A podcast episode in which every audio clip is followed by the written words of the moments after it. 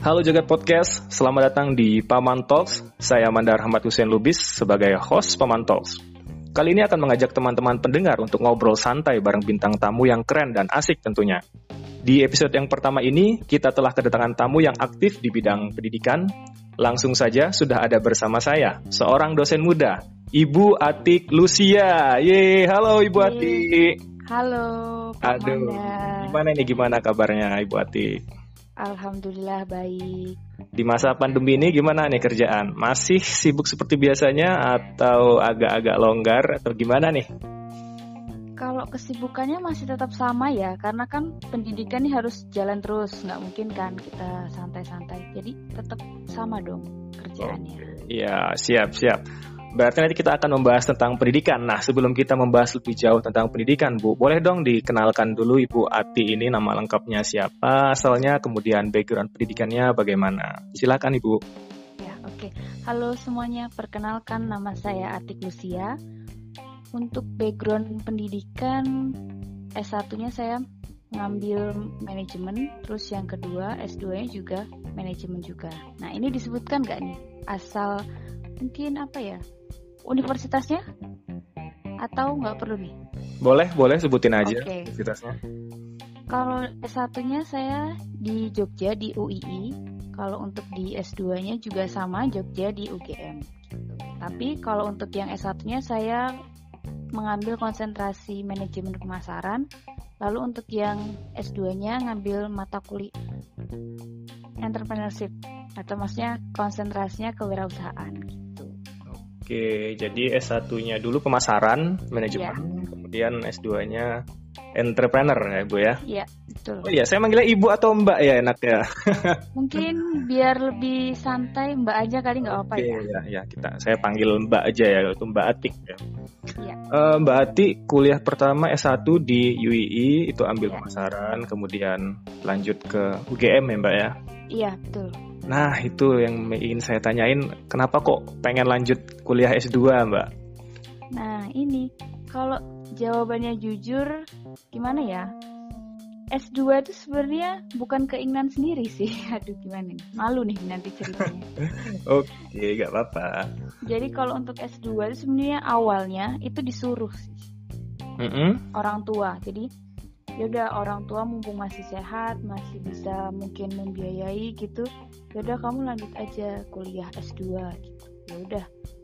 Karena waktu itu juga teman-teman itu nggak langsung banyak yang kerja, ada juga yang lanjut S2 ya udah akhirnya ya udah deh ikut lanjut S2 aja.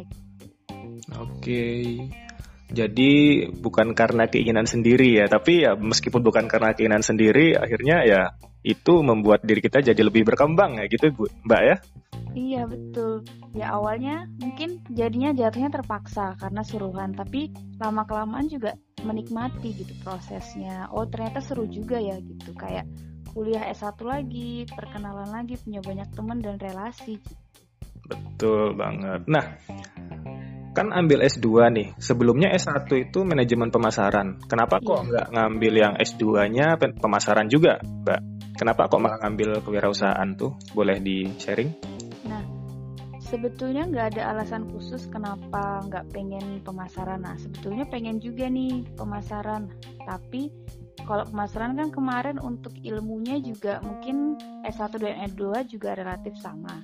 Ya udah akhirnya apa ya mencoba yang kira-kira bisa diikuti gitu karena kan orang tua itu backgroundnya juga dari pengusaha. Nah, pengen nih untuk mengembangkan usahanya kira-kira apa yang dibutuhkan orang pengusaha atau berwirausaha itu gimana? Yaudah akhirnya S2 ngambil konsentrasi kewirausahaan itu. Oke. Jadi gimana Mbak kesannya selama mengambil konsentrasi kewirausahaan? Mungkin kan nanti ya si- eh, teman-teman pendengar di sini ada yang pengen lanjut S2 terus wah habis dengar cerita dari Mbak Ati eh, ambil konsentrasi kewirausahaan jadi pengen tuh ambil kewirausahaan. Mungkin bisa di-sharing kesannya?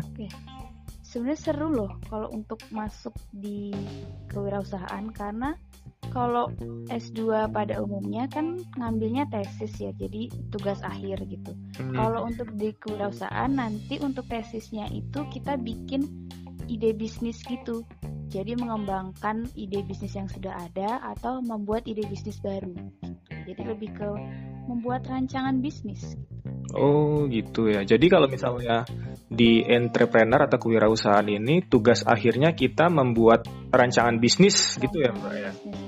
Kan kalau misalnya uh, konsentrasi yang lain atau manajemen katakanlah manajemen pemasaran itu tugas akhirnya dia bikin tesis yang berbentuk karya ilmiah kan gitu mbak ya. Ini beda ya kalau entre lebih seru ya berarti. Ya.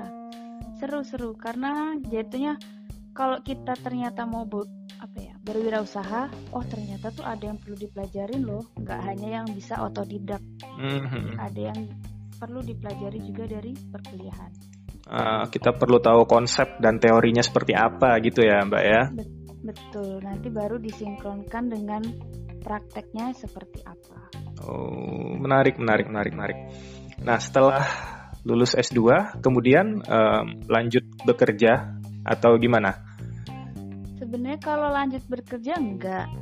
Mm-hmm. jadi tetap ada nganggur-nganggurnya sedikit. Terus coba-coba nih iseng. Sebenarnya untuk jadi kerjaan yang sekarang tuh awalnya iseng-iseng juga pak oh iseng-iseng juga betul iseng-iseng juga dan jatuhnya kayak orang tua menyarankan kamu cewek S2 yaudah ke sini aja hmm. tadinya nggak mau iya, cuman yeah, yeah, yeah. ya udah deh bisa dicoba aja dulu eh ternyata keterusan gitu oke perlu kita perjelas lagi bahwa profesi betul. ibu Ati eh, Mbak Ati ini adalah iya. seorang dosen ya Iya betul dosen. Oke, jadi jadi pertama kali ngelamar kerja itu ngelamar dosen ini dan langsung keterima sampai sekarang kerja gitu, Mbak. Iya, mungkin uh, melamar ke yang lain dulu kayak hmm. perusahaan seperti biasa kalau kita lulus kuliah kan pasti pengennya ngelamar kerja di perusahaan gitu kan iya yeah, iya yeah. ya udah akhirnya ada lowongan dosen coba deh gitu. Yeah. Sebenarnya nggak nggak begitu tertarik tapi coba aja deh siapa tahu memang rezekinya di sini. Eh ternyata betul di sini. Da, uh, dulu pernah kepikiran nggak uh, atau pernah punya apa ya ke, ingin ngajar gitu punya passion ngajar gitu nggak sebelumnya sebelumnya sama sama sekali nggak ada ya, oh, karena nggak ada kalau ngeliat orang ngajar tuh wah keren ya gitu bisa oh, ngajar oh, bisa ngajarin orang gitu bisa berbagi tapi hmm. kalau untuk saya sendiri nggak kepikiran nggak sampai oke okay, aku nanti mau jadi dosen atau mau jadi pengajar deh gitu karena kayak wow mereka keren banget gitu tapi yeah, iya. kalau yeah. untuk saya sendiri nggak kepikiran tuh sampai sana hmm. eh malahan kerjaan sekarang ngajar gitu nah titik baliknya uh, memutuskan untuk oke okay deh aku coba jadi dosen. Kemudian oke okay deh aku apa namanya aku mengabdi di pendidikan untuk ngajar. Itu motivasinya apa mbak di balik itunya di balik itu semua? Motivasinya pertama karena mungkin desperate ya. Bisa dibilang desperate nggak sih kalau kayak mama kerja terus nggak terima terima gitu?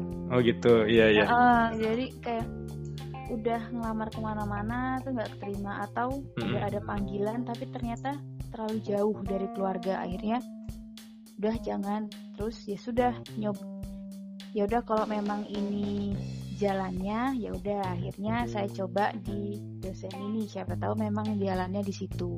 Hmm. ternyata betul jalannya di situ. Seperti apa yang disarankan orang tua ya sama gitu. Okay. sudah berarti juga ada faktor uh, faktor lain ya dibalik hanya lain. motivasi dari dalam diri karena pernah dulu keterima tetapi jauh ataupun ngelamar yang deket tetapi nggak belum dapet belum rezekinya eh pas ngelamar jadi dosen ternyata uh, malah keterima gitu ya. Iya betul. Menarik menarik ya, bang jalan manusia menarik banget ya. iya itu dia kita nggak bisa apa ya. Saya pengen ini harus kesampaian nggak bisa gitu. Tapi kayak ada faktor lain yang kamu tuh sebenarnya jalannya ke sini loh. Jadi kayak diarahkan sedikit sedikit. Mungkin kalau saya sekarang apa dulu nggak keterima ya. Dulu mungkin kalau keterima ke kerjaan lain, sekarang malah nggak bisa jadi dosen nggak bisa ketemu mahasiswa yang seru loh sebenarnya gitu. iya ya. Betul betul betul. Nah udah berapa lama mbak Ati nih jadi dosen? Kalau dihitung jadi dosen itu baru satu setengah tahun sih pak Manda. Satu setengah ya? Oh. iya. Uh, selama satu setengah tahun itu kan berarti Mbak Ati udah berkecimpung di dunia pendidikan tinggi ya kan? Kalau kampus, universitas, dan sekolah tinggi itu masuknya ke pendidikan tinggi ya, dikti ya. Betul ya. Uh, kemudian